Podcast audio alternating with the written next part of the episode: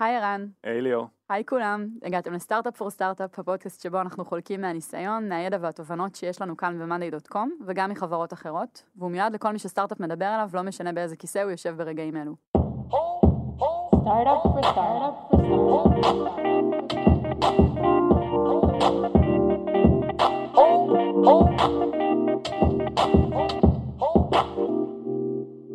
אז הפרק של היום הוא בסימן חזרה אחורה בזמן. אז נתחיל מנקודת זמן קרובה יחסית, אה, יולי 2018, וביולי 2018 בעצם השקנו את הפודקאסט שלנו. ולמי ששכח או לא שמע את הפרקים הראשונים, אז בעצם הרעיון התחיל מפגישות שעשינו עם יזמים, במטרה באמת לעזור. עד היום עשינו כמעט 200 פגישות כאלה עם יזמים שונים כאן בארץ, ואחד הנושאים הכי מדוברים בפגישות הוא תמיד אה, הנושא של גיוס כספים. עכשיו לצד שיחה פתוחה ובאמת אה, ניסיון מאוד כנה לעזור, תמיד עולה באיזה קריצה כזאת השאלה, רגע, אבל אתם בעצם, לא היה לכם קשה כמו שלנו קשה, נכון? ואתם שם במאנדי, הדרך שלכם הייתה קלה, וזה לא חוכמה, וזה לא נחשב. הפרק של היום בא בעצם לדבר על, על ימים שהיו לנו קצת יותר קשים, אה, ועל תקופות שבהם, אה, סביב product market fit, שבהם לא ידענו בדיוק לאן אנחנו הולכים, ודברים היו פחות ברורים מאליהם. אגב, גם היום לא הכל אה, פשוט וברור, נכון ערן? ממש לא. אבל, אה, אבל היו ימים... קשיים מסוג אחר, כן. בדיוק, אבל היו ימים קשים מאלה.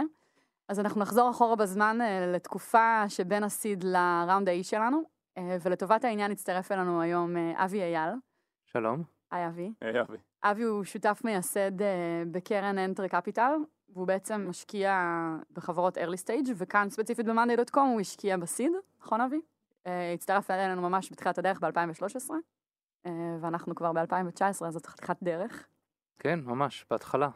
אמ, ואבי בעצם, אה, הזמנו אותו כאן היום לשתף מהנקודת מבט שלו על האתגרים שהיו בדרך, על ההחלטה להשקיע בשלב מוקדם, ואחר כך להמשיך ולשים כסף ב-CLAs, כמו שעוד מעט תשמעו. אה, מה הרציונל, איך מקבלים החלטה בשלבים האלה, איך מסתכלים על סיכון, אז כל זאת ועוד. ערן, מה קרה בינואר 2014, איפה החברה הייתה באותה התקופה? אז בעצם אה, אבי, אבי השקיע בחברה אה, ביחד עם ג'נסיס, round seed שלנו, אה, שזה היה 1.4 מיליון. בפברואר 2013? כן, זה סוף 12, תחילת 13. והיה לנו מוצר, היה לנו לקוח אחד גדול שנקרא וויקס, היה לנו כמה לקוחות קטנים. היינו אז בחברה בשלב של product market fit. מה זה אומר? שלא היה לנו product market fit בגדול. היה לנו איזשהו מוצר שכמה חברות השתמשו בו, ועל סמך זה אבי השקיע, תכף אולי הוא יספר על סמך מה הוא השקיע, אבל... אה, אה, ואנחנו חשבנו שאנחנו נצא לשוק ואנחנו נוכל לשכפל את ההצלחה של המוצר אצל חברות אחרות. אממה זה לא עבד, המוצר היה מאוד שונה ממה שהוא נראה היום. הבעיה ש... שבאנו לפתור הייתה בעיה זהה למה שפותרים היום, רצינו תמיד לשפר אה, איך שצוותים עובדים ולגרום להם למצות את הפוטנציאל שלהם בתור צוות, אבל הדרך שבה התמודדנו עם הבעיה אז הייתה רק דרך תקשורת, זאת אומרת המוצר שדפולס אז אה, הציע בזמנו היה אך ורק תקשורת, תקשורת בין צוותים, ולא משנה כמה ניסינו להטמיע את זה בחברות או בצוותים אחרים, תמיד הרגשנו שהלקוחות התייחסו לזה בתור משהו שהוא nice to have. זאת אומרת, יצאנו מפגישות, אמרו, תשמעו, נשמע מגניב, לא עד הסוף הבינו את ה-value, לא עד הסוף הבינו מה יצא להם מזה, אה, ולא הצלחנו לה- להביא לקוחות חדשים אה, on board. והיינו ממש בתקופה קשה באותה תקופה. מצד אחד, אני ורועי מתכנתים, אז אוטומטית כל מה שרצינו לעשות זה להוסיף עוד פיצ'ר למוצר, תמיד הרגשתי שאני אוסיף עוד פיצ'ר ו-we nailed it וכולם אה, ירצו להשתמש בזה. אה, אבל לנו תקופה מאוד קשה שלא הצלחנו למכור והחברה הרגישה תקועה. ובימים האלה הכסף גם נגמר, כאילו הוא מתחיל לעזול מחשבון הבנק אה, מהר ומהר ומהר, אתה מגייס גם עובדים כי אתה רוצה להתקדם מהר יותר. והיינו ממש בתקופה מבולבלת אז בזמנו. ואז אנחנו מגיעים לינואר 2014, לישיבת בורד, שזה ה-state of mind שכולם נכנסים לפגישה איתו. אבי, איפה אתה באותה התקופה, ביחס לחברה? אז אה, אנחנו השקענו בחברה, והבסיס של ההשקעה שלנו בחברה הייתה מבוססת על כמה דברים.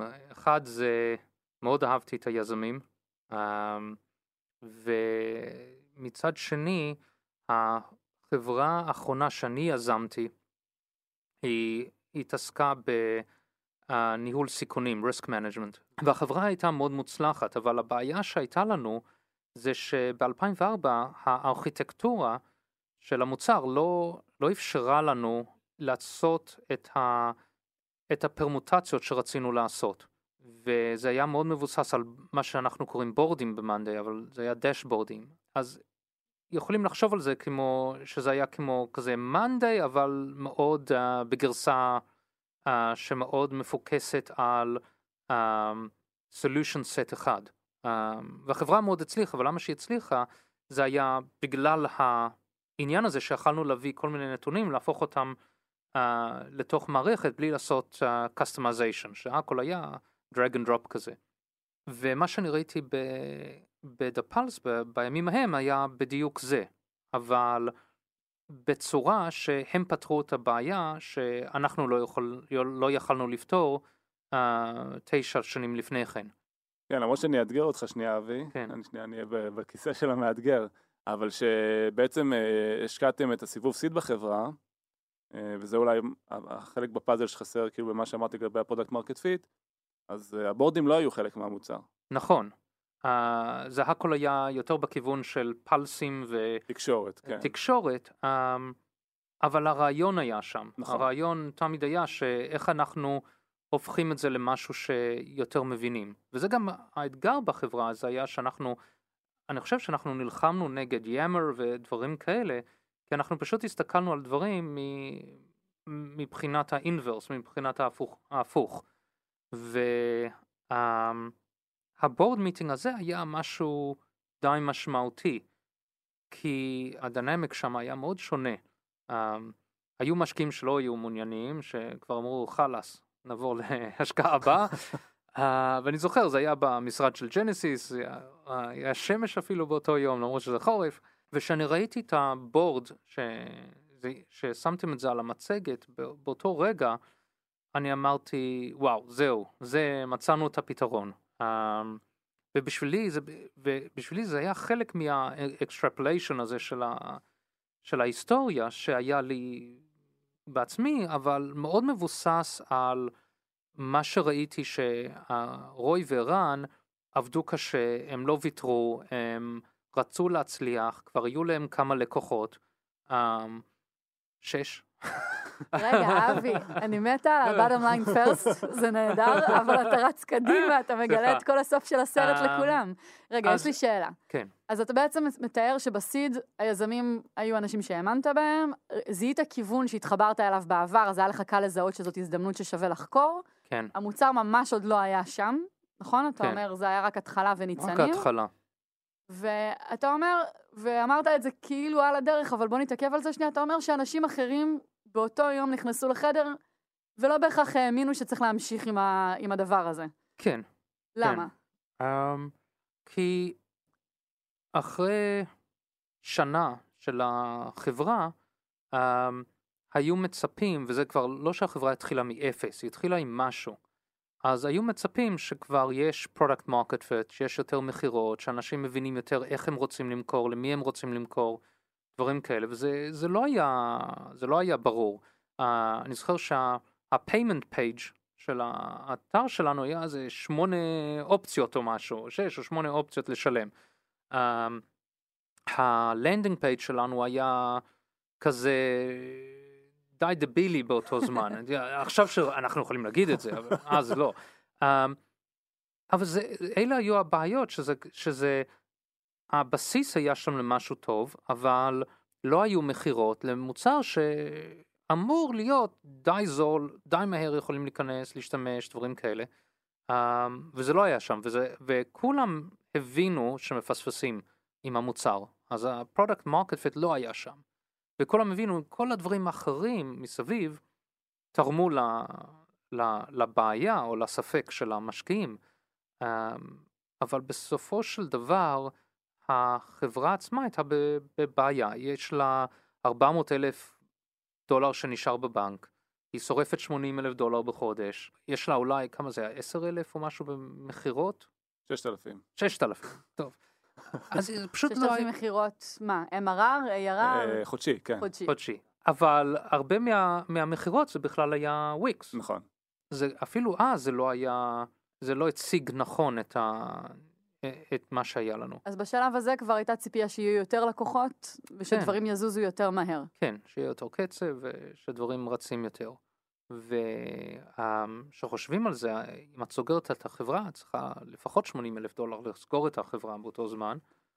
ואז זה נותן לך אולי שלוש חודשים. אז לכן הספק הגדול, ולא היה משהו שעומד ליפול, או עומד לנחות, את יודעת, לא היו שם 100 לקוחות שעומדים לשלם כל אחד 200 דולר לחודש או 1,000 דולר לחודש, פשוט לא היה ודאות בדברים האלה. וואו. ציירת כאן תמונה של קושי גדול, לא כן, של קצת כן. קשיים. כן. אני עכשיו אני מבינה למה ציינת שזרחה שמש באותו היום.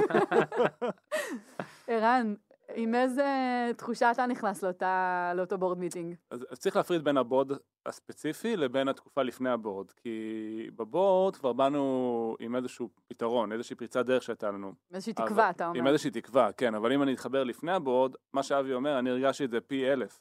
תחשבי איזה הרגשה הגרועה הזאתי, שאנחנו במשך כמעט שנה מרגישים שאנחנו נכשלים, ואנחנו כל יום באים לעבודה.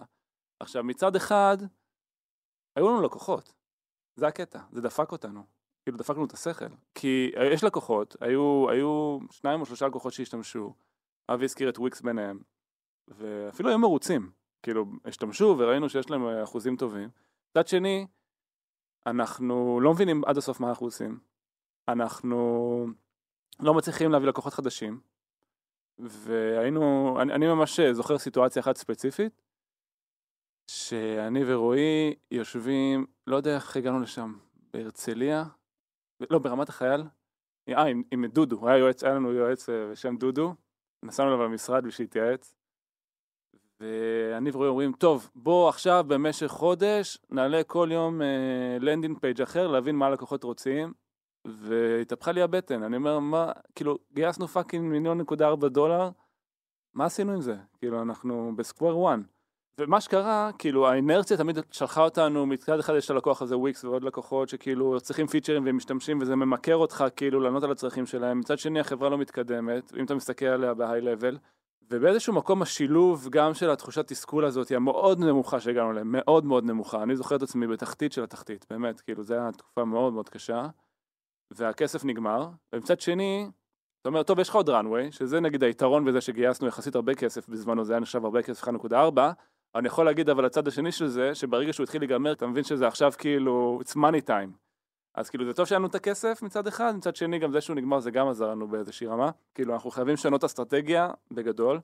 ואני זוכר את התקופה הזאת, שכמה חודשים לפני הבורד מיטינג, שפשוט אמרנו בוא, בוא נמחוק את כל מה שעשינו במוח, הלכנו להיפגש עם מנהלים מכל מיני חברות, וניסינו להבין לא איך אנחנו מוכרים להם את המוצר, אלא מה הם צריכים. בסדר? זה מאוד מאוד שונה. ואני חושב שהזכרנו את זה בחלק מהפרקים הקודמים, אבל אה, לכולם, לכל מי שמשתמש בתוכנה, תמיד היה את ה-secret Excel file. זה מה שראינו. לכל אחד היה secret Excel file, ששאלנו אותם באמת איך הם מתקשרים, והבנו משהו מאוד עמוק, כאילו מהפגישות האלה, אגב לא ידענו אז שזה, שזה אקסל, ולא ידענו, ידענו שזה grid של צבעים, בסדר, ידענו שככה אנשים מתקשרים, כי זה מה שראינו מהאקסל. אבל uh, הבנו משהו מאוד מאוד עמוק מתוך הדבר הזה, שבעצם uh, זה משהו, זה איזשהו gap שחסר להם. ואז הוספנו עוד שכבה למוצר שנקראת boards, וכשהגענו לישיבת board הזאת, ב... מצחיק boards ו boards, אבל כשהגענו לישיבת אה, דירקטוריון בינואר, אז בעצם אה, זה היה אחרי חודשיים שה boards היו באוויר, אה, והתחלנו לראות מספרים. שבועיים לפני ה board meeting השקנו גם את האפשרות לשלם. זאת אומרת, משהו גם נפשית השתחרר לנו, שאמרנו, אנחנו גם מאמינים שהגיע הזמן שאנחנו נגבה מאנשים כסף על המוצר, בסדר? שעד אז היה בשיחות טלפון ויותר sales. וכשהגענו לישיבת בורד עם אבי ועם ג'וני באותה תקופה, ג'וני מג'נסיס, כן. ג'וני מג'נסיס, אז חלק גדול מישיבת board היה להציג את ה boards החדשים שהשקנו, גם על ה payment, ואז כאילו זה קצת מתחבר לסיפור של אבי, על מה שהוא זיהה באותה ישיבת כן. אז שוב, אז אתה אומר, אתה באת עם בשורה מוצרית, וגם איזה שהן פעולות אה, אקטיביות שסוף סוף נתנו לך איזושהי תחושה שאתם בכיוון. כן, אגב, זה לא פעם אבל ראשונה אני רגע ש- רוצה עדיין להישאר אוקיי. בחוויה, בתחושה המבאסת, ו- ואפילו, אתם יודעים, כדי להבין רגע את הבורד הזה, צריך אולי לחזור לבורד לפניו. כי כשגייסתם כסף, גייסתם אותו להבטחה כלשהי. נכון. תמיד מגייסים כסף ואומרים, הנה מה נעשה עם הכסף. אז אולי דקה לפני שנחזור לבורד, זה הדבר האחרון, אבי, שאני אשמח לשמוע ממך, אם אתה זוכר, מה אמור היה כן לקרות עם ה-1.4 מיליון דולר האלה? האם הם היו אמורים להמשיך לפתח מוצר בתוך מה שנקרא איזה בונקר, ו... או שהוא היה אמור ללכת על אה, מכירות, מכירות, מכירות? מה, מה היה אמור לקרות עם הכסף הזה? אני לא זוכר בדיוק, אה, אבל בגדול, אה, הציפייה הייתה שיהיו לנו כמה עשרות או כמה מאות לקוחות בסוף התהליך, ושיהיה לנו מספיק MRR שאנחנו נצא ונגייס A. די פשוט. אה, כמובן שזה, יש budgets ויש כל מיני דברים כאלה ש, שהיו באותו זמן, אבל זה לא היה לקחת רעיון ולהפוך את זה למוצר, זה היה, הנה מוצר, זה עובד, וויקס אוהב את זה, בוא יכולים את לפתח את ההצלחה זה, הזאת לעוד נשכפל מקומות. את ההצלחה, אה, ומשם נרוץ. אה, אז זה היה המצב באותו זמן. אני זוכר, כאילו, כשאבי השקיע בחברה, היינו באותו מצב כמו שהיינו חודשיים לפני הבורד. כן, זה מה שרציתי המוצר. להגיד. כן, היה מוצר, היה לקוח, נכון. זה, זה קצת מה שנדמה לי, כי אתה כן. פתאום באת עם איזה רוח כזאת של הנה מצאנו וזה, אבל אפשר היה להגיד לכם באותה מידה, כשאתה מספר פה על אה, כיוון מוצרי חדש ו pricing page שתודה רבה זינמן היקר, אבל כל זה היה אמור לקרות לפני שנה. לא, אבל צריך לקחת משהו בחשבון. כשאבי אה, וג'וני השקיעו את ה seed, הם הניחו שיש לנו product market fit. זאת אומרת, נכון? הם הניחו שוויקס ימצאו את המוצר ועוד כמה לקוחות, אז אפשר לשכפל את ההצלחה, ובגלל זה אבי, הייתה לו ציפייה שכשנגיע לסוף הכסף, יהיה לנו הרבה לקוחות, כי הצלחנו לשכפל את ההצלחה. מה שקרה בפועל, זה שלא היה לנו product market fit, לא הצלחנו לשחזר את ההצלחה ולמכור ללקוחות. בעצם הבסיס שעליו הוא השקיע את ה seed, חוץ מזה אולי שהוא חשב שהצוות הוא טוב והוא האמין בחזון ובבעיה שאנחנו פותרים, לא היה לו ולידציה, כאילו עד הסוף. כמה מתקשרים בין board ל board באותה תקופה? כמה יש לך מושג מה קורה עם ערן ורועי לפני שאתם אמ, נפגשים אה, אחת לרבעון? אני חושב שבאותו זמן אנחנו פגשנו אחד השני אולי פעם בחודש או משהו כן. כזה, זה היה משהו כזה. לא, אני... בוא נגיד שאבי ראה את ה boards וישיבת board, זה לא הפעם הראשונה, דיברנו על זה כן. לפני זה, הוא אפילו נתן לנו הערות עיצוביות על, ה... על המערכת ועל ה home page. אז יש איזושהי חוויה של התקדמות בין אה, פגישה לפגישה. תראי, מה זה התקדמות? בוא נגיד, אה, מאז הסיד, השתיים שלוש פגישות בורד מאז הסיד, אני לא חושב שאולי אבי יכול להגיד שהוא הרגיש התקדמות, בסדר? כאילו... כן, אבל זה לא היה, זה היה הזמן שאת במצב של הסיד היום, אה, אפילו אז, זה משקיעים, מחכים לראות תוצאות, אה, אתה יודע, שנשאר איזה שישה חודשים של כסף או משהו כזה, מתחילים לחשוב על מה בא הלאה. אה, אז כבר לפני הבורד של ינואר, אה, אני זוכר שהיו שיחות בין משקיעים ודברים שדואגים, כי זה לא רק שאנחנו הגענו לבורד בינואר ויש שלושה חודשים שנשארו, זה גם שאם היו להם מכירות, אז היה נשאר להם 6-7 חודשים. כלומר, הכסף הספיק לפחות זמן ממה שתוכנן אז מלכתחילה. ה delay ב... ב...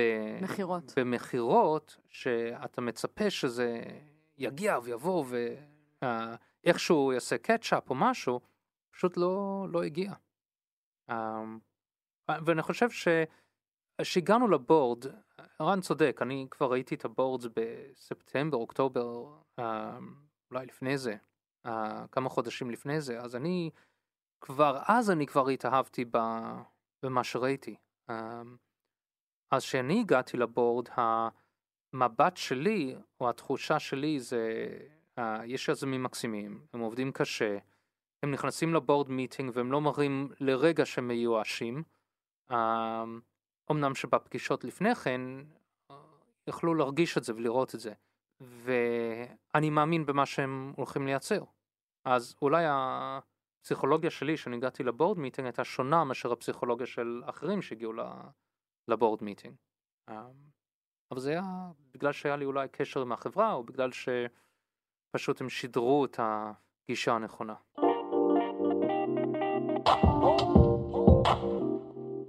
אז הגענו ל... לשביעי בינואר 2014, כן. היום השמשי. ביום השמשי באמצע החורף. כן.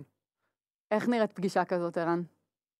אמ, תראי, זו הייתה פגישה מיוחדת, כי היה לה שתי קצוות. מצד אחד, הייתה איזושהי, איזושהי התרגשות, כאילו לפחות מהצד שלנו, כי א', הרגשנו שעשינו ריליס לבורדינג, ומאוד האמנו בזה. אני מאוד זוכר שהאמנו בזה, אני חושב שגם אולי כן. בשפת גוף שידרנו את זה, או ב... באיך שעשינו את הישיבת בורד. אני ממש זוכר כאילו בתוך תוכי שאני מאמין, כי דיברתי עם לקוחות וראיתי שהם מתלהבים מזה וראיתי שיש נתונים טובים על הבורדס, אבל צריך להבין שזה היה ממש בהתחלה, בסדר? זה ממש ממש בהתחלה. ואפילו עצם זה, כאילו, זה אולי נשמע שולי, אבל עצם זה שהלכתי, אני ועוד מישהו היינו מתכנתים יחידים בחברה, אה, בחור שם צפריר, אה, שהלכנו ותכנתנו את ה-payment page, עד כמה שזה יישמע איזוטרי, זה, זה בגלל שהיה לי ביטחון ב boards. כי היה לנו אפשרות לשלם לפני זה בפייפל, אבל זה שהלכנו ותכנתנו payment page, זה אומר שהשקענו זמן ואנרגיה לתכנת משהו שהאמנו שלקוחות יוכלו, ירצו לשלם שהוא עליו. שהוא ראוי, כן. כן. אז באנו לישיבת board עם זה שעשינו launch לפיצ'ר הזה שנקרא boards, ועשינו launch ל-payment page. וה feedbackים עליהם היו טובים. כן, אבל מה זה feedbackים? משני שני לקוחות, בסדר? זה לא... בגדול זה אותם פידבקים שהיה לנו גם, אה, שגייסנו את הסיד מאבי, כאילו, ומג'וני בהתחלה. אז אני אה, מנסה להבין בכל זאת, אתה יודע, אנחנו מדברים הרבה עם יזמים, ויש את הקטע הזה של מרגיש לי, לא מרגיש לי, ו- ואנחנו תמיד אומרים שצריך לבסס רגשות אה, כן. על עובדות. אז אה, אז איזה עובדות היו לך באותה תקופה לא, כדי לבוא אז- עם תקווה? יפה, אז, אז, אז, אז מה, ש, מה שעשינו גם אחרי שעשינו לאנץ' לבורדס, זה שהלכנו עוד פעם לדבר עם לקוחות. זאת אומרת, גם עשינו בריסטרץ' דבר, גם אחר כך לקבל ולידציה, ובניגוד לתקופה שמכרנו להם את התקשורת, פתאום ראיתי שהם אה, זיק בעיניים. הם פוטנציאליים, אתה מתכוון. גם פוטנציאליים וגם קיימים, פתאום אתה רואה שהם מתלהבים. עכשיו, אתה מרגיש את זה בבטן כאילו שהם מתלהבים באמת.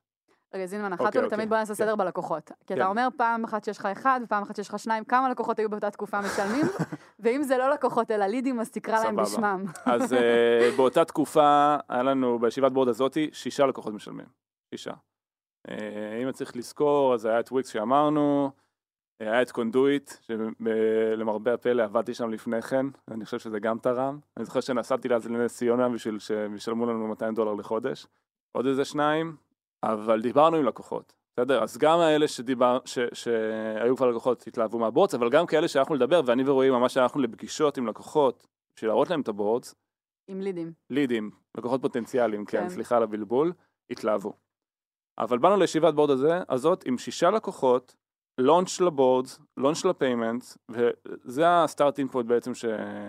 שהתחלנו ממנה, את הישיבת board הזאת. אני הייתי אופטימי, בסדר? אולי בגלל זה זרחה השמש, או שלפחות אבי הרגיש שזרחה השמש באותו יום, אבל אני זוכר שזו פעם ראשונה שהרגשתי ש- we are on to something, בסדר? הרגשתי שאנחנו בווקטור נכון כאילו מבחינת החברה.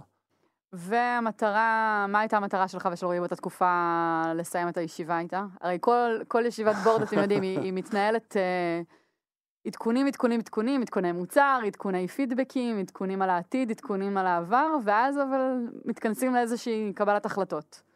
תשמעי, אני יש לי... אה, איזה החלטה קיוויתם להעביר בדירקטוריון ההוא? כאילו, השקף האחרון במצגת היה, אוקיי, עשינו את זה, אבל, שימו לב, נשאר לנו 400 אלף דולר בבנק, אז כזה באנו בתמימות, אה, טוב, מה עושים? מגייסים, יוצאים לסיבוב, כן, שמתם מספר אופטימי של חמישה מיליון דולר לסיבוב הבא. מה זה אופטימי? זה מה שצריך. אז קיוויתם לצאת עם איזושהי... אני לא יודע מה קיוויתי, כי להגיד לך שעכשיו אה, הרגשתי מוכן לצאת לסיבוב? תכלס לא. כאילו, עם מה אני אצא לסיבוב? מה שכן, אני זוכר שאני... אה, אני ממש הייתי... אה, יצאת לקראת סוף הפגישה, אני הייתי במצב שהם העלו payments page, אז הם הבינו שלמכור לקוח לקוח אחד אחד זה כבר לא יקרה, וזה גישה שונה, ויש את הבורדים עכשיו, שאני פתאום רואה ביום הראשון שאני רואה את הבורדים, הם כבר עושים אותו הדבר אם לא יותר ממה שאני רציתי שאני אעשה בחזון לפני אקס שנים. אז אני מאוד התחברתי לזה, לסיפור. אנחנו דיברנו על לעשות ברידג'. אז כן. בוא רגע נדבר, אתה יודע, זאת גם שאלה ששואלים הרבה יזמים. כן. אחת ולתמיד, מה שנקרא, מה זה CLA? אז CLA זה הלוואה שנותנים לחברה Convertible Loan Agreement, או היום קוראים לזה Advanced Purchase Agreement. העניין הוא זה הכל אותו הדבר, זה הלוואה לחברה שאתה נותן ואתה מקבל הנחה על הגיוס הבא שהם עושים, אה, ומדי פעם אתה משלם גם ריבית אה, על ההלוואה. וזה מנגנון די זריז של שלוש, ארבע דפים שנותן לבן אדם לקבל כסף לחברה די מהר ולהמשיך לרוץ. ומה זה אה, מאפשר למשקיע? זה לא כל כך שזה מאפשר להשקיע, זה נותן למשקיע את האפשרות לעשות את ההשקעה בצורה זריזה, כי החברה צריכה את זה, וזה נותן לו יתרון שהוא מקבל הנחה, כל איזשהו הנחה על הגיוס הבא uh, כתוצאה מזה, על הכסף שהוא, ש, שמכניסים. Uh, אני חושב שגם זה, זה עוזר למשקיע מבחינה שמשקיע רוצה לשמור על ההחזקות של, שלהם ב, בעסק, um, אז לפני הגיוס, אם מכניסים כסף לפני הגיוס, אז יודעים שלא משנה מה קורה בגיוס, עדיין יש לך כסף שנהפך לאקוטי בגיוס, אז אתה איכשהו שומר על האחוזים שלך או, או מגדיל את האחוזים שלך. אז אם אתה ממש מאמין בחברה, זה דרך טובה להעלות את זה. אני, uh, אני חושב שלשום, פשוט קווינסידנס, זה אני הוצאתי uh, בלוג על uh, למה לא לגייס יותר נכון. מדי קונברטיבלס. בדיוק ראיתי את זה בנגד. כי באותו דרך, אם מגייסים יותר מדי כסף, אז הנחה אם הכמות של הכסף מדלל את המשקיע שנכנס, מדלל יותר מדי את המשקיע שנכנס, אז הוא נותן ואליואציה יותר נמוכה כדי לשמור על האחוזים שלו שהוא מצפה שהוא נכנס. אז, אמ, אז אה, ניואנס קטן, אבל צריכים לשמור על הדברים האלה שעושים את זה בצורה אחראית. נשים גם לינק לבלוג פוסט שלך, כי יש שם, אה, ראיתי גרף יפה שמסביר את זה בצורה ויזואלית טובה. תודה, אבל חזרה לעניין, זה היה הרבה התלבטות uh, וראיתי מסביב לשולחן שלא היה ודאות uh, על ידי המשקיעים. ולעזוב את הפגישה עם תחושה, טוב, באנו, הצגנו, עכשיו הלכנו חזרה לדירה ו, uh, וממשיכים לעבוד, זה לא נותן ל, ליזמים את הוודאות שהם לא סוגרים את, ה... חברה בעוד חצי שנה, החברה כן. שלוש חודשים, mm-hmm. לא חצי שנה. ולכן זה היה מאוד חשוב שאני אשדר לפחות, או שאני אהיה הראשון שמשדר, שיש uh, תקווה ויש תמיכה בחברה, ערן ורוי יכולים לצאת החוצה לפגוש אנשים אחרים ו- וכנראה לגייס מהם גם. וזה בסוף הוביל לעניין שאני אמרתי שאנחנו נהיה מוכנים לשים יותר, נשים יותר, אבל הייתי רוצה שהמשקיעים האחרים גם ישימו כי, כי זה חשוב מאוד. למה זה חשוב מאוד? כי זה מראה כיוון, זה מראה שכולם מאמינים וכולם מאחורי החברה. אני חושב שאנחנו רצינו לגייס מיליון דולר, נכון? ואני אמרתי, אני אקח את הרוב של ה-CLA, אז אני אמרתי, אנחנו נשים לפחות 600, כי אנחנו רצינו לשדר שאנחנו נעזור לחברה וגם שנוביל את ה-convertible note. ו-600 אלף דולר באותה תקופה זה בעצם יותר ממה ששמתם בסיד, נכון? כן, נכון. כלומר, זה לא, עוד פעם, CLA הרבה פעמים הוא, כמו שתיארת, הוא מין תקופת ביניים, ואנשים מסתכלים כן. על זה כעל השקעה שהיא פחותה ביחס להשקעה כן. המקורית. כאן אז אתה... אז אם שמתי 30 אחוז מהסיד, אני שמתי עכשיו 60 אחוז מה-CLA, אבל אנחנו ראינו את זה, אני ממש האמנתי בחברה, ולכן, אני ראיתי בזה את היכולת להגדיל את ההחזקות שלי גם בחברה. כי אני האמנתי בזה, ואני גם האמנתי שהחברה צריכה, שכמו שהיזמים מובילים את העסקה קדימה, או את החברה קדימה, המשקיעים גם צריכים להיות יותר בעניינים לשלב הקרוב. Uh, ואני רציתי להיות המשקיע ש... You step up כזה. כזה step up, ממש להיות אחראי על ה... על, ה, על ההשקעה בגדול מצד המשקיעים כדי לעזור לרוי ולרן לקבל את ההחלטות שהם צריכים לקבל, לקבל אותן מהר ולא להפוך לעניין שצריכים לחזור לוועדה של משקיעים כל פעם שרוצים לעשות משהו. כי רצינו לראות שזה באמת הם יכולים להגיע לשלב הבא עם זה. א', זה מגניב לשמוע את זה, כי אף פעם לא דיברנו על זה אתה יודע, כאילו כשאתה אומר אה, רציתי להגדיל את ההחזקות של החברה ושיהיה יותר בעתיד, אני אומר באותה נקודת שפל, זה צריך הרבה אופטימיות בשביל אה, לחשוב על הדברים האלה. אני בן אדם די אופטימי סך הכל. היום, אה, כאילו, אתה יודע, זה נשמע גאוני, אבל אז... כן, זה לא, לא טריוויאלי. לא טריוויאלי. קודם כל זה לא טריוויאלי, אבל אני לא רוצה לקחת קרדיט פה, כי בסופו של דבר, אני לא הבאתי את הבורדים, הם הביאו את הבורדים, הם הגיעו לפגישה מוכנים, uh, והרבה פעמים שאני שוקל את הכל, גם לפני הפגישה וגם בפגישה, uh, שאני מהמר על אדום או שחור, באותו רגע זה נראה כמו שאתה מהמר על אדום שחור, וזה ככה, זה די זורק כאוס uh, מול האחרים, uh, כי אומרים וואו, מאיפה זה הגיע? ואני גם לא יכול להגיד לכם, בוודאות שבדיוק מה שאני אומר היום, חמש שנים אחר כך, זה בדיוק מה שעבר בדיוק לך בראש. התהליך המסודר שעבר לי במוח, כי את יודעת, זה אחד מהדברים האלה. נכון. אבל מה, אני עוד זוכר שאני ראיתי את הבורדים על הלוח, אני השתמשתי בהם, אנחנו היינו בין הלקוחות הראשונים שאי פעם לא שילמנו, אה, על על מאנדיי. על דפס, כן. בשבילי אני הייתי מכור, שזה מאוד חשוב, זה צריכים להבין את הנושא, אז בתור משקיע, אתה יכול להיות משקיע פסיבי, אבל אתה גם יכול להיות משקיע ש... להיות משקיע טוב, אתה צריך הרבה מזל, אבל אני לא חושב שיכולים להיות משקיעים טובים אם לא מבינים את, ה... את החברות שמשקיעים בהם. זה מעניין מה שאתה אומר, כי ב... במוצר כמו המוצר של מאנדיי זה יחסית קל, כי זה מוצר שפונה לכל אדם שעובד בצוות ביקום כולו. אז היכולת כן. שלך להיות אמפתי לגבי זה היא פשוטה, כי גם אתה חלק מצוות, כן, ואתה מזדהה עם הבעיה. ה... אבל האם היה- היכולת שלך להבין כן. את הבעיה היא תנאי הכרחי להשקעה מבחינתך? כן, בהחלט. קודם כל, צריכים להבין, צריכים להבין איך שחברה פועלת, אה, צריך שיהיה ניסיון בדברים האלה, אה, וצריכים לדעת את המגבלות. אז אני יכול להגיד לך שיש לי היסטוריה ארוכה שלא הבנתי את המגבלות, ואכלתי את זה, ואיבדנו כסף לאורך הדרך על חברות ודברים כאלה, כי לא הבנו. אה, אז זה שאני היום הרבה יותר מפוקס, זה כי אני למדתי שמתוך שגיאות, לא מתוך הצלחות. ולכן זה, זה משנה את המבט על כל הנושא. דבר ראשון, אני זוכר את הישיבת בורד הזאת, יש לי זיכרון ויזואלי מטורף של הישיבת בורד. היא כן. הייתה, מאוד נחקקה לי בזיכרון. רגשית. מאוד רגשית. אני זוכר אה, ספציפית, יש שקף, אה, מי שאחרי זה רוצה להסתכל במצגת בורד שאנחנו נשתף. בשקף של ההוצאות, של כמה כסף נשאר לנו, האמת שזה פתוח לנו פה על השולחן, אנחנו ממש מסתכלים על זה. אה, שיש שם איזשהו פייצ'ארט נוראי, שלא לא יודע למה עשיתי אותו בכלל, של אה, של כמה כסף אנחנו מוציאים על כל דבר. אני זוכר, יש לי ממש זיכרון ויזואלי, אני- אבי יושב מולי, אני ורועי יושבים מצד אחד, ואבי וג'וני יושבים מצד שני, ואבי, אני לא, זה אני לא יודע אם זה זיכרון או תחושה, דופק על השולחן, שזה לא מתאים לך לדפוק על השולחן, אבל, אה, והוא אומר, guys, I'm gonna put a convertible loan, let's do a 1 million convertible. ואני ורועי לא היינו מוכנים לזה. כאילו, אתה יודע, הוא קצת זרק לנו את זה לפני הישיבה, אבל הוא כאילו זרק את זה שם במקום. הכריז על זה, כן. כן.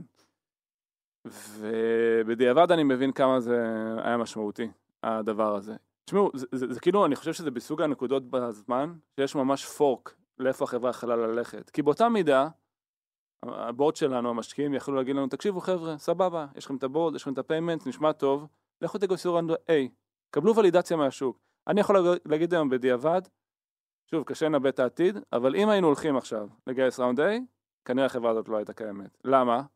היינו הולכים לפגוש משקיעים, היינו באותה נקודה מבחינת האבולוציה של החברה, כמו שגייסנו את ה seed. יש לנו מוצר, הבטחה, עוד לא הוכחנו שום דבר, אז הזמן שזה משהו חדש.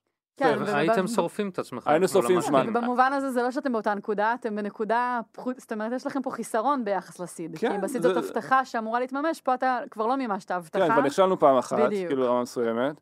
עכשיו ללכת זה דיס... עכשיו התחלנו לקבל? מומנטום על המוצר, על ה payment, רצינו להתחיל לעשות online marketing. אם עכשיו אני ורועי היינו מתחילים לעבוד על מצגת השקעה, איך לפגוש משקיעים, זה חודשים.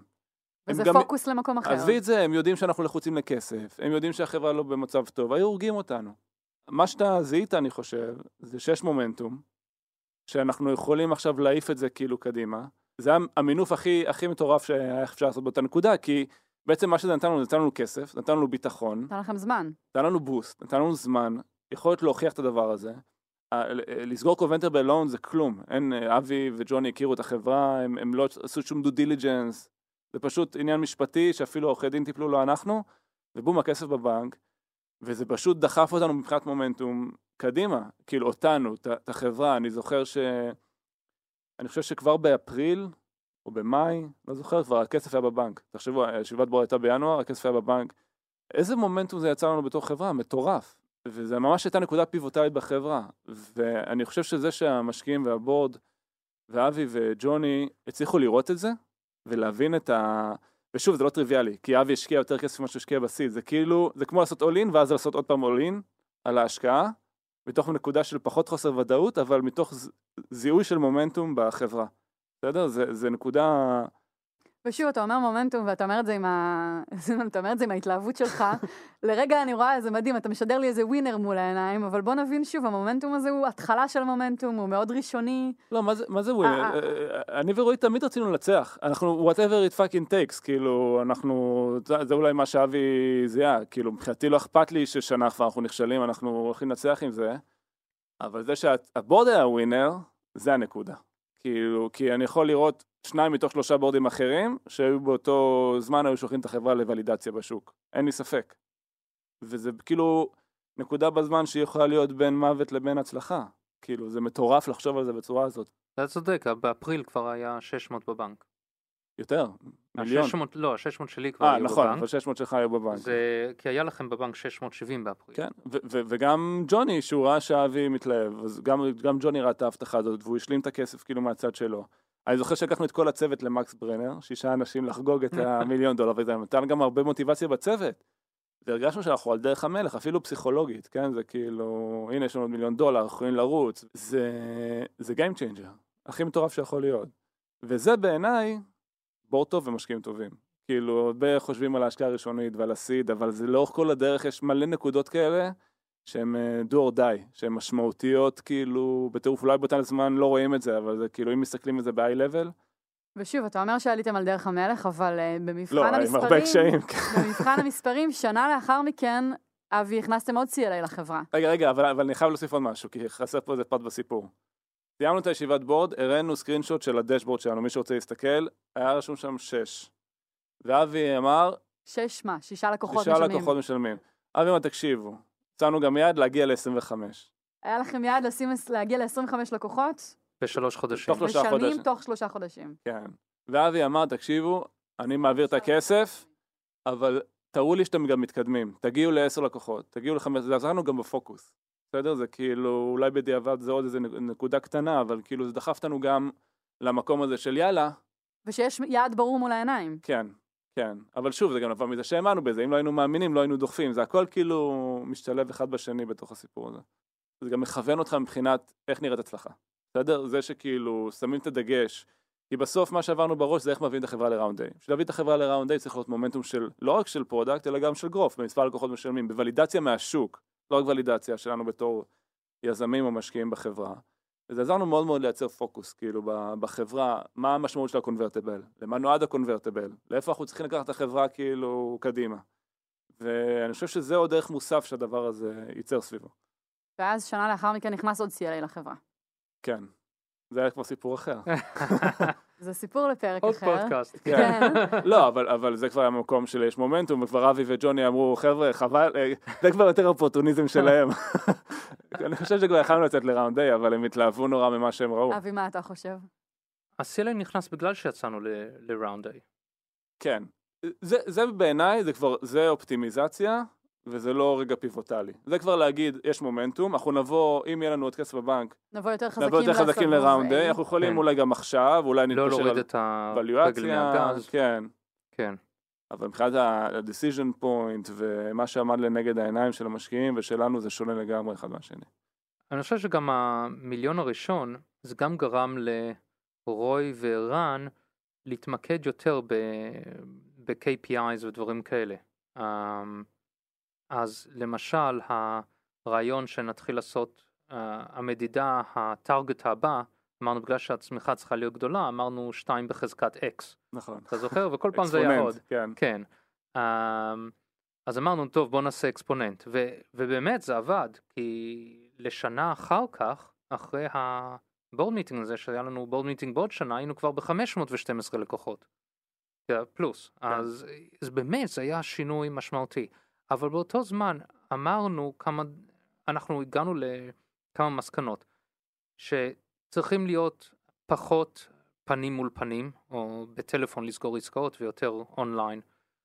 וצריכים לשפר את ה-payment funnel שעשיתם, זה, הגעתם בעצמכם לזה, um, שכל ה-landing pages והכל צריכים להשתנות, להיות, לשדר את ה boarding בהתחלה, שזה היה גם חשוב לכם. אז כל הדברים האלה זה כמו, זה, זה כמו חלק מהחוזה, um, שאתה לא יכול לצפות שייתנו לך שתמשיך הלאה, אבל בלי שיהיה לך איזושהי תוכנית שעוזרת לך. ש... וזה לא אפילו שהתוכנית הייתה רשומה בכתב, אבל בגלל שנפגשנו כל רבעון, אמ, בבורד אז היה דרך טובה לבדוק ואולי לחדד, וזה אולי גם גרם לכם לחשוב קצת יותר על, על דברים לפני שהגעתם לפגישות הבורד שהיו אחר כך. זה מעניין, כי מה, ממה שאתה אומר עכשיו גם עולה, עולה החשיבות של ללמוד מטעויות, וגם לעצור רגע ולהודות כן. בטעויות. זה ככה הסאבטקסט של מה שאתה אומר. כי כשאתה אומר להפסיק כן. לעשות שיחות טלפון ולהיפגש פנים אל פנים, זה סוג של אמירה של חבר'ה, זה- עד עכשיו הדרך שבה ניסיתם למכור לא עובדת, כולנו צריכים להודות בזה, וזה תנאי הכרחי להמשך. אבל אנחנו לא היינו צריכים להגיד להם את זה, לא, אני חושב שהם הבינו את זה. עבורם זה... ואני חושב שהם כבר הבינו את זה בינואר, לכן היה כבר את ה-payment page, ובאפריל כבר שראו את הנתונים של כמה שיחות טלפון הם עשו כדי לקבל כמה לקוחות, אז היה כבר, טוב, אנחנו, בוא נתחיל לרוץ על פייסבוק ועל דברים, ו... כי לא אנחנו רואים אפקטיבי, המאמץ הזה. ה... כן, ואפילו ה...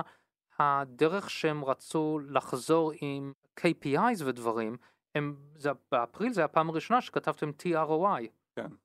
אה, על ה board. אגב, ה- זה שדיברנו על לקוחות זה לא נבע מתוך רצון, אני ורועי, הדבר האחרון שאנחנו רוצים זה להתקשר ללקוחות למכור נכון. להם, אבל אה, פשוט לא הצלחנו לעשות את זה בשום דרך אחרת, אז ניסינו להבין מה הבעיה, והיינו חייבים לעשות את זה. אחרי שהבנו שהצלחנו לפתור את הבעיה ו- וכן להביא value ללקוחות באמצעות ה boards, אז כאילו יכלנו, היה לנו כבר מומנטום להתחיל לעשות online marketing ולהתחיל למדוד את הפאנלים וכאילו, אחד הדברים שאני חושב שגם, הזכרת את זה ליאור, את הקטע של הלמידה מטעויות, זה משהו שנצרב אצלנו והוא אצלנו עד היום. אני, אני למדתי המון מהתקופה הזאת, זה שהגענו לשפל של השפל מתוך התקופה הזאת, לימד אותי כמה חשוב לקבל את הוולידציה וכמה חשוב לא להתאהב בפתרונות שיש לך, אלא לחשוב מחדש סביב מרחב הבעיה ולהבין איפה אתה יכול לפגוע. ואני יכול להגיד שמאז, מרוב שזה נחקק אצלנו כל כך חזק מתוך הטראומה הזאת, אנחנו מיישמים את זה כל הזמן, בכל מקום. כאילו אנחנו לא מתאהבים בדברים שיש לנו, כל הזמן מנסים לחשוב מחדש מה הבעיה שאנחנו מנסים לפתור ואיך פותרים את זה, ועשינו כל כך הרבה שינויים מאז בחברה, אבל כנראה שהיינו צריכים במשך אה, תשעה עשרה חודשים לדפוק לנו פטיש בראש כדי שנלמד את הלקח הזה. אז אני אומר גם לכל היזמים שמקשיבים, ככל שאתם תהיו יותר פתוחים להשתנות, להסיק מסקנות, להסתכל על מרחב הבעיה ולא להתאהב בפתרונות, כך יהיה יותר מהר, כאילו בדיעבד אני יכול להגיד על השנה הזאתי, שזה fucking waste of time מטורף שעשינו, אה, כנראה שהיינו צריכים את הזמן הזה בשביל ללמוד את הלקח הזה. אז אה, מי שיכול ללמוד את זה לפני, אני מאוד ממליץ. אה, מהצד שלי ב, ב, על הנושא הזה, דבר, דבר ראשון שמקבלים, שאתה, כמו שאתה אומר בשפע של שפע, שמקבלים את ה-convertible note הזה, זה לא שאתה מקבל רשות או רישיון להמשיך לעשות מה שעשית. אה, זה, זה הזדמנות ללמוד ולתקן ולהראות שאתה יכול. ואני חושב שחלק מהגישה של רוי וערן לקבל את, את הכסף שהם לא ביקשו אבל שהם באו לבורד מיטינג זה הם ישבו והם הראו שהם יכולים להסתכל על הבעיה לא להיות באהבה עם המוצר להיכנס לבעיה לפתור אותה או להביא פתרון אחר אה, שיש לא היה להם ודאות שזה יצליח אבל לפחות פתרון אחר ו, ומשהו אחר שהם, שזה מראה די הרבה maturity בנושא. אז זה, דבר, זה חלק אחד מהמיליון. והדבר השני זה היכולת לא להידבק למה שאתה חושב שעובד ולהמשיך להידבק לזה, אבל כל הזמן לשאול את השאלה וכל הזמן לחקור וכל הזמן לשנות, זו תחושה מאוד חשובה. אני רואה הרבה פעמים שיזמים, יש להם איזושהי הצלחה ואז ממשיכים ככה, לא, לא חוקרים יותר מדי, כי אומרים, אה, אתה יודע, הנה אה, וקטור ונרוץ עליו. כן, if it's not broken don't, don't fix it, או, או, או אומרים if you build it they will come, אז all of the same, אבל זה לא ככה, ואני אני למשל רואה את זה עכשיו עם, עם ערן, למשל לפני שבוע, שבועיים, uh, אני חושב שאני שלחתי לך את ה-S1 filing, שזה ה prospectus של זום שהולך להנפיק בנסדק, ושם היו כמה נתונים. אני שלחתי לו את ה... פרוספקטוס, אני לא אמרתי לו תבין פה, תבין שזה... שבוע לאחר מכן אנחנו מדברים, ורן אומר, תשמע, מהפכה פה, אני משנה את הכל, כל הדברים... הנה מה למדתי זה." מזה, נכון? העניין הוא שמה שמרשים אותי שוב ושוב ושוב עם הניהול של, ה... של היזמים פה, אה, שזו חברה שהיא פי מאה אלף יותר פעם הגודל שהייתה אה, מבח- מבחינת הכנסות, אבל היא, זו חברה שהמנהלים מבינים שמשהו מתחיל, משהו משתנה, או שהם משקיעים בזה ahead of the curve, לפני שמשהו משתנה, ושהם לא מפסיקים לשאול את השאלות, לא מפסיקים uh, לחשוב ככה ביציר, ב, בצורה של יצירה טובה, ו, ו, ולכן אני חושב שזה דבר די משמעותי uh, שיכול להביא את, ה- את מאנדיי ליום אחד להיות חברה שמאוד מצליחה. אני חושב שאנחנו עדיין בהתחלת הדרך, ויש הרבה לבנות פה. Uh, ואני נדהם כל פעם שאני בא לפגישה או לפגישה בורד, ששני היזמים וגם הניהול שעכשיו מסביבם, uh, יכולים לפעול בכזו דרך, ואני מתפלא כל פעם. אבי, ככה לסיום, אם יש יזמים שמאזינים עכשיו, איזה עצה היית רוצה לתת להם? Um, אם אתם רוצים השקעה בהתחלת הדרך, בואו לראות אותי. לא, um, אני חושב שמאוד חשוב, תהיו אמינים לחברה ולכם ולמשקיעים שלכם. Um, דברים השתנו, כל מה שאתם כותבים למחרת ישתנה, אבל זה איך שאתם משדרים את זה ואיך שאתם uh, פועלים. שיראה מי שיצליח ואם תצליחו או לא תצליחו. Uh, לכסות ולהחביא צרות זה לא, לא טוב בשבילכם, לא טוב בשביל החברה, לא טוב בשביל משקיעים. לבוא עם מחשבה וגישה ולהתייעץ, זה, זה, זה הדרך הנכונה. ואני uh, חושב שהמשקיעים רוצים לה, להצליח, הם רוצים uh, לקבל תוצאה טובה על הכסף שהם השקיעו. Uh, וזה בעצמו זה מספיק, uh, מספיק כדי להביא אותם לעזור. אז למצוא משקיעים טובים זה חשוב, ושוב, להיות אמינים, ישרים עם, עם המשקיעים שלכם, uh, בלי משחקים, זה, זה מה שבונה חברות טובות. אחד הדברים שהיה חשוב לי גם להעביר בפרק הזה, אני חושב שהרבה יזמים שמתחילים, יש להם המון המון קשיים, ולפעמים כשהם מסתכלים על חברות שהם תופסים כמוצלחות או שהצליחו, הם עושים להם reverse engineering, וזה נראה שכאילו תמיד הלך להם, ולמה להם קשה ולמה להם לא הולך. דבר ראשון, אני רוצה לה, להעביר כאילו לאורך כל הפרק, וגם עכשיו, שגם לנו היה המון המון קשיים לאורך הדרך, והיה לנו המון נקודות שפל. וזה שזה קשה לך עכשיו, זה לא אומר שזה לא תצליח? זה חלק מהתהליך. ומאוד חשוב בתוך הנקודות האלה להבין, להתחבר לעצמך, להבין למה אתה נמצא במקום הזה, ולנסות להבין איך לצאת ממנו, as opposed to להתחפר יותר עמוק בחול. והטיפ של אה, משקיעים טובים הוא תמיד נכון. זה שהיה לנו משקיעים טובים בבורד, כאילו זה שאנחנו הצלחנו לצאת מתוך המקום הזה, גם לא היה מתאפשר אם לא היה לנו את הבורד הנכון ואת המשקיעים הנכונים, ובאותה סיטואציה גם אה, יכלנו ללכת לנתיב אחר ולסגור את החברה. אז אני חושב שלמצוא משקיעים שהם ווינרים, שהם מסוגלים להסתכל לעתיד ולהאמין בחברה והם רוצים לנצח כמו שאתם רוצים, זה חשוב מאוד. אז uh, אני אומר תודה היום שהיה לנו את הבורד הזה ושקיבלנו את ההחלטה הזאת אז, ושלמרות היינו, שהיינו במקום הקשה הזה, הצלחנו להסתכל על הצד האופטימי של uh, לאן אפשר להביא את זה קדימה. אני אוסיף משהו משל עצמי. לפני השקעה, אז יש את הדימוי הזה שמשקיע יושב מצד אחד של השולחן והיזם מהצד השני של השולחן, נכון? ואז אומרים, אחרי ההשקעה אנחנו כבר באותו הצד, ועובדתית זה נכון, כי לכולם יש עכשיו שיירס בחברה, וכולם רוצים שהחברה הזאת תצליח, גם המשקיעים וגם היזמים. וזו טעות לחשוב שכשיש קושי אז שוב נפרדים.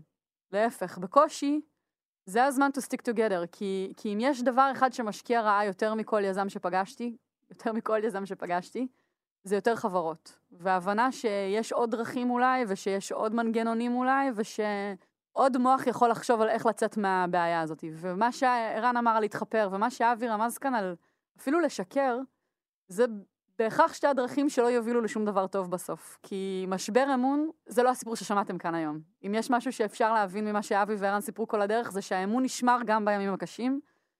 וזה הטיפ שלי לכל יזם או יזמת שמקשיבים לפרק הזה, לוודא שהמערכות יחסים שלכם בריאות, כי רק משם אפשר אה, לעלות בחזרה מלואו אנד. זהו, אבי, ממש תודה שהצטרפת אלינו. תודה לכם.